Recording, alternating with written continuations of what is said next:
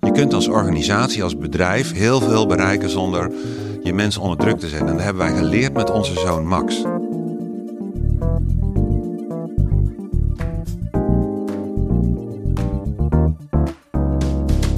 Welkom bij Ondernemerslust, een podcast van Nationale Nederlanden. Een gezonde onderneming is continu in beweging. Sterker nog, ondernemen is veranderen. Ik ben Harme en ik spreek met ondernemers over wat ze drijft en hoe ze elk op hun eigen manier omgaan met continue verandering. Zoals personeel aannemen in een krappe markt. Dit bedrijf en wij hebben hier alleen maar mensen met een vorm van autisme in dienst. Daar is het bedrijf op ingesteld. Ja, ik werk hier zelf ook met plezier. Ik zit ja, wat meer aan de ADHD-kant, maar voor mij werkt het allemaal. Ook spreek ik met organisatiepsychologen en ondernemerscoaches. We analyseren de situaties en uitdagingen van de ondernemers en we geven praktische tips die je direct kunt gebruiken in jouw onderneming. De ideale werknemer bestaat niet, maar hij bestaat wel bij de gratie van de interactie met de werkgever. Nummer 8 en bel. Ik ben op een bedrijventerrein in Utrecht, vlakbij de A2. En ik ga op bezoek bij Sjoerd van der Made, oprichter van een bijzonder IT-bedrijf. Specialisten, goedemorgen. Ja, specialisten. Goedemorgen, Harmen van der Veen hier. Ik ben hier voor Sjoerd. Harmen, je spreekt met Sjoerd. Ik uh, doe de deur open en ik loop je tegemoet. Begane grond. Elleboogje, arm, hallo. Hallo. Wil je een kopje koffie of een kopje thee? Uh, koffie lus ik wel. Een beetje melk, een beetje suiker.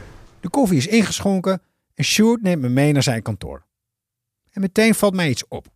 Die gangen, die zien er anders uit. Sjoerd vertelt er graag over. Dit is dan de betonnen vloer waar we lopen en het uh, industriële plafond. En uh, nou, hier komen we langs de keuken en nu lopen we over een tapijt onder een geluidsdempend plafonnetje. Wacht even. Ik weet niet of de podcastluisteraar dit meekrijgt, maar ja, een soort stilte. Een soort stilte, hè? Er treedt een soort stilte in. Ja, een soort van rust. En uh, nou, ik kan even in een ruimte kijken, wat ik ook altijd doe. En iedereen heeft dat gelukkig overgenomen, van tevoren heeft kloppen. Zachte tapijten, rustig kloppen op de deuren. Wat een prettige sfeer en omgangsvormen. Wat is hier aan de hand? Het antwoord is bijzonder. In het bedrijf van Sjoerd werken alleen maar mensen met autisme. Nou, er zit een persoonlijke achtergrond uh, uh, in. Ik ben vader van een zoon met een vorm van autisme. Eigenlijk zijn zowel vrouw Irene als ik al vanaf de geboorte van onze zoon gericht op wat er met autisme gebeurt in de wereld.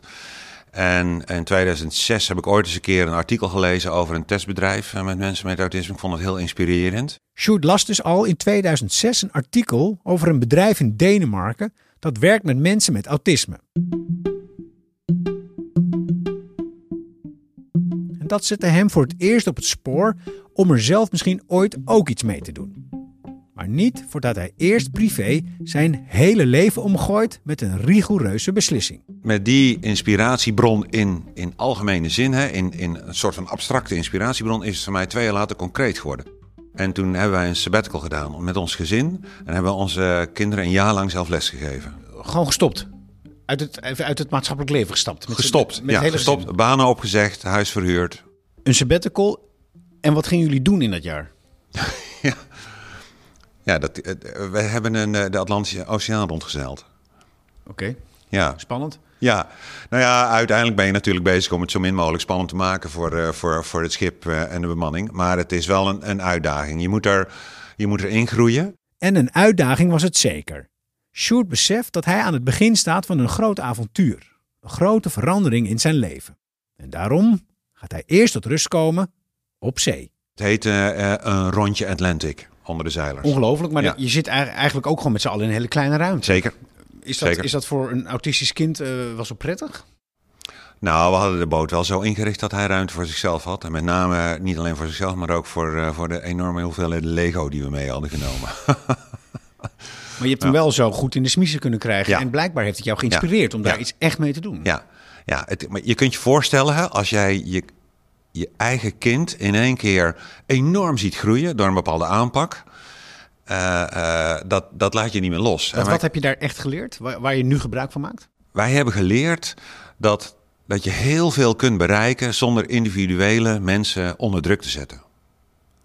Je kunt als organisatie, als bedrijf, dit is dan de bedrijfsmatige aanpak, heel veel bereiken zonder je mensen onder druk te zetten. En dat hebben wij geleerd met onze zoon Max. Dat wij hem goed konden laten leren zonder hem individueel onder druk te zetten. Door hem enerzijds uit te dagen, anderzijds vertrouwen te geven en ook een klein beetje te faciliteren in zijn beperkingen. En dat was in zijn geval Voldoende om, hè, want hij, op speciaal onderwijs deed hij per schooljaar een half jaar. En bij ons aan boord deed hij per schooljaar anderhalf jaar. Nou, dat is als ouder, weet je, dan raak je dat op een, op een manier in je, in je onderbuik, dat laat je niet meer los. Dus dat heeft geleid tot het bedrijf. Sjoerd zijn persoonlijke ervaringen met zijn eigen zoontje zette hem ertoe een bedrijf op te starten en dat op zo'n manier in te richten dat ook andere mensen met autisme hiervan kunnen profiteren. Dit bedrijf en wij hebben hier alleen maar mensen met een vorm van autisme in dienst. Daar is het bedrijf op ingesteld. Ehm, Dat is bijzonder. dat is heel bijzonder. Eigenlijk zijn wij twee bedrijven. We zijn een IT-bedrijf, we zijn een gewone IT-dienstverlener, maar we zijn ook een social enterprise. We zijn gericht op impact. Wij willen de wereld Social veranderen. enterprise. Ja. Hoe zou je dat het mooist kunnen vertalen?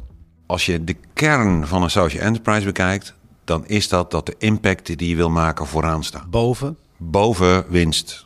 Boven groei om de groei. Boven, ja, wat heb je nog meer? Naam en faam. Het gaat om de impact. Welke impact? Maatschappelijke impact. En in ons geval is die maatschappelijke impact arbeidsparticipatie. Voor mensen met afstand tot de arbeidsmarkt. Dat is een moeilijke groep werknemers, die vaak buiten de boot vallen.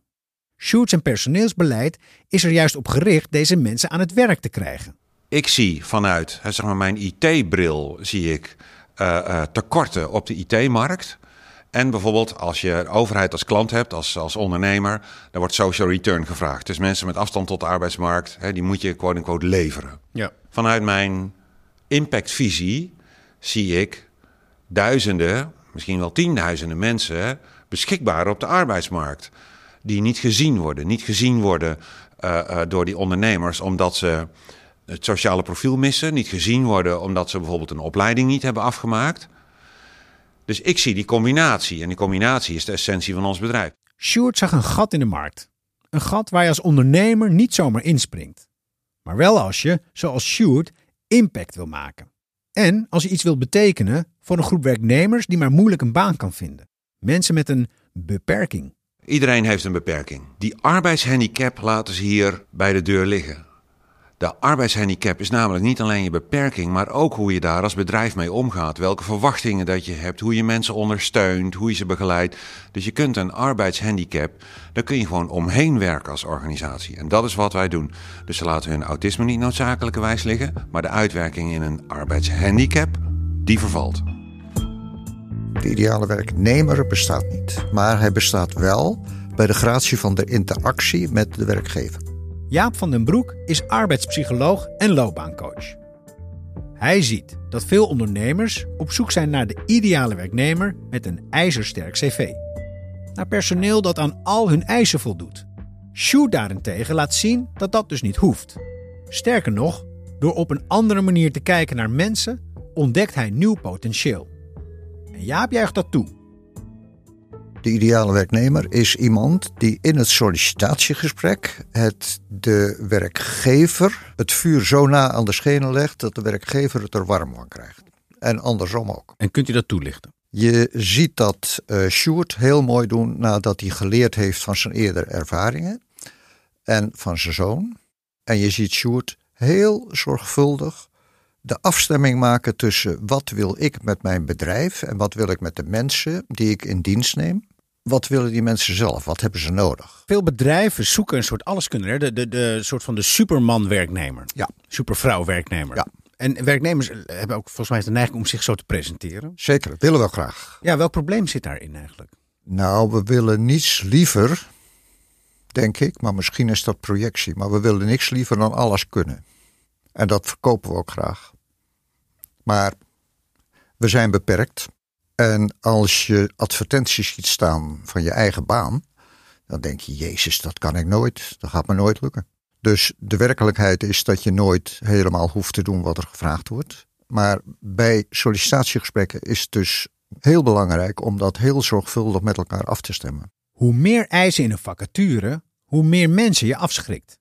En daarmee bestaat de kans dat je de ideale kandidaat misloopt. Maar hoe moet het dan wel? Door niet alleen maar de inhoud van die vacature te beschrijven. En ook door te zeggen: dit is wat we graag willen. En we zouden snappen als je het niet allemaal kan. Maar de sfeer is zo en zo. En kom maar een paar dagen meelopen, dan kun je het zien en ervaren. Dat moet je maar durven als ondernemer om dat toe te, om te, toe te staan, toch? Kost geld, maar het kan ook geld sparen. Want je kunt ook heel snel, als je nood hebt, dan ga je heel snel mensen aannemen. Dan haal je heel veel mensen binnen waarvan je later spijt hebt. En in tijden van een ruim aanbod, dan kun je heel kritisch worden. En dan mis je weer mensen waar je later ook van denkt van, nou, dat, dat. Dus het heeft ook te maken met vraag en aanbod op arbeidsmarkt. Je moet ook durf hebben. De meeste ondernemers hebben dat wel, maar vooral gefocust op de inhoud van wat ze doen. Ja. En veel minder op dat relationele deel. Voor Sjoerd is alles wat Jaap zegt gemeengoed. Hij neemt mensen aan niet op functie, maar op een persoon. En dat werpt vruchten af. Nou, als je dan eh, kijkt naar een van onze eh, collega's, eh, Jesper, die is inmiddels zelf testlead, dus zeg maar projectleider. Die is gestart, nou inmiddels al ruim tien jaar geleden. Blijft dus ook, ja, dit soort mensen blijven ook bij ons werken, daar zijn we ook heel blij mee. Met een, met een veel te laag eh, eh, afgeronde opleiding. En als cv komt er dan eigenlijk niet de capaciteit en ook niet de ambitie van zo iemand naar voren. Hij had Dus- gewoon een, een zwak cv. een heel zwak cv, ja. Terwijl eigenlijk, als je nu ziet waar zo iemand staat... dan is hij eh, bijvoorbeeld vanuit onze optiek testmanager voor de Nederlandse bank. Nou, toch wel een vrij serieuze klant met een serieuze opdracht. Jesper is een door Sjoerd gekozen alias. Hiermee neemt Sjoerd zijn werknemer in bescherming. Jesper staat niet graag op de voorgrond en hiermee is zijn anonimiteit verzekerd. Het zegt veel over het lieve en zorgzame karakter van Sjoerd. Maar hoe ging die sollicitatie dan? Hoe ging zo'n eerste ontmoeting? Nou ja, wat, wat, wat eigenlijk key is in zijn sollicitatie... is dat wij niet heel hard iemand aannemen op een functie... maar op de persoon, eh, persoonlijke ambities en eigenschappen. En met name kijken, en dat klinkt misschien heel vreemd... naar ben je in staat om jezelf te beschouwen... en kun je er transparant over zijn. Je ziet vaak En Jesper kon dat. Jesper kon dat. Die kon aangeven, nou, dit is wat ik kan en dit is wat ik niet kan. En dat laatste is belangrijk. Dat laatste is belangrijk. Maar dat durft hij natuurlijk niet te zeggen als hij echt solliciteert bij een Precies, echt bedrijf. bij een echt bedrijf. Want dan moet, je, dan moet je het spelletje spelen. En dan zakt hij er doorheen, wordt hij Dan zakt hij door het ijs, precies. Want dat spelletje, dat speelt hij ook niet zo goed. Dus voor hem en voor een heleboel van onze mensen is het... Kijk, heb je een heel ander gesprek. Als je eenmaal accepteert dat je een vorm van autisme hebt... dan ben je veel opener. Die transparantie waar ik het over had, die komt dan op tafel. En dan kunnen wij dus ook zien... pas je, kunnen we je coachen... en hebben wij een loopbaanverloop... wat past bij jouw ambitie en je capaciteit. En Jesper is nu een van jouw, jouw topwerknemers. Ja, topwerknemer, ja. En het wordt nog beter. Naast dat Sjoerd dus mensen met een beperking een eerlijke kans biedt op werk, geeft hij ze nog iets extra's.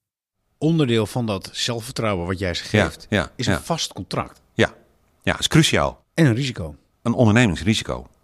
Ja, dat klopt. Dat hebben we de afgelopen jaren ook wel gemerkt, als ik heel eerlijk ben met COVID. In maart was COVID en dat heeft natuurlijk alles en iedereen overvallen. En een aantal van die klanten zijn meteen op de rem gaan staan. Sommigen hebben zelfs de, volledig de stekker eruit getrokken. Dus onze omzet die donderde in één keer dramatisch in elkaar.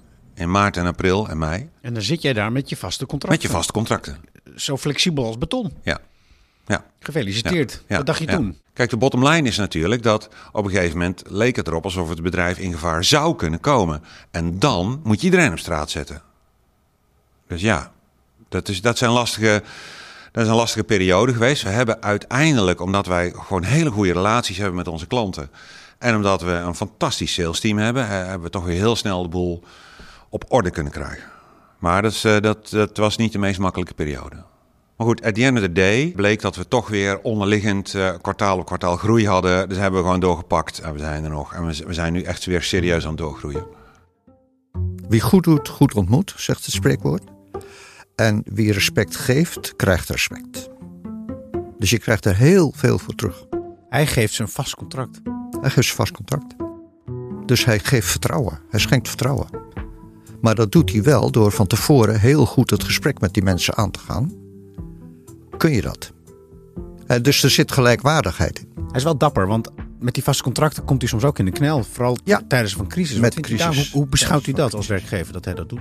Hij neemt dat risico. Hè. Het is een, een ingecalculeerd risico. Hij zegt: Ik neem dat risico, ik bied dat, ik krijg er iets voor terug. En ja, in tijden van nood, die gaan ook weer over, de bekende varkenscyclus.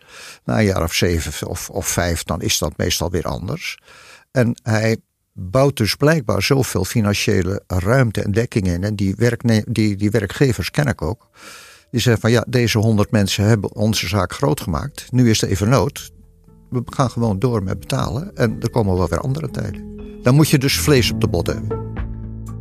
Maar Sjoerd, heel veel werkgevers Ja, hebben hier geen tijd voor. ja. Hebben hier de vaardigheden niet voor. Ja. En hebben hier het geld niet voor. Wat is jouw boodschap aan deze mensen? Nou kijk, weet je, de bottom line is natuurlijk dat als jij als werkgever IT-capaciteit in je bedrijf wil houden, en dat is nodig, hè? Bijna zo'n beetje alle bedrijven worden IT-bedrijven of een belangrijke IT-kant, ja, dan is het toch denk ik eh, aanpassen of verzuipen. Als jij gewoon in je werving en selectie je blik iets verruimt. Hè? En als jij eens een keer kijkt naar... hey, wat is het nou voor hiaat van zeven jaar in een cv? Oh, dag, frek, dus iemand die heeft twee hbo-opleidingen gedaan. Je hoeft alleen maar door te vragen, weet je wel? En misschien heeft er iemand wel de meest mo- mooie opleidingen gedaan. Heeft een boel kennis en kunde, heeft een boel ambities... heeft alleen zijn eindscriptie niet gemaakt. Verbreed je blik. Verbreed je blik. Kijk naar cv. Innoveer. Innoveer om mensen aan je te binden. Wat je ook kunt doen, vind ik ook goed voor ons bedrijf. Je kunt ons ook inhuren. Dat vind ik ook. Ja, Nog even wat reclame aan ja, het eind. ja, nee, maar dat, dat, dat, kan ook. Ja, Want hier is de omgeving prettig, rustig, prikkelarm, ja, optimaal. ja, ja. Volgens mij voor iedereen. Ja, ik werk hier zelf ook met plezier. Ik zit ja, wat meer aan de ADHD-kant, maar voor mij werkt het ook. ja. Je hoorde het verhaal van Sjoerd van der Made en zijn bedrijf Specialisteren. Wil je meer van dit soort verhalen horen en lezen? Of wil je weten hoe Nationale Nederlanden jou als ondernemer support biedt? Kijk dan op nn.nl slash ondernemerslust.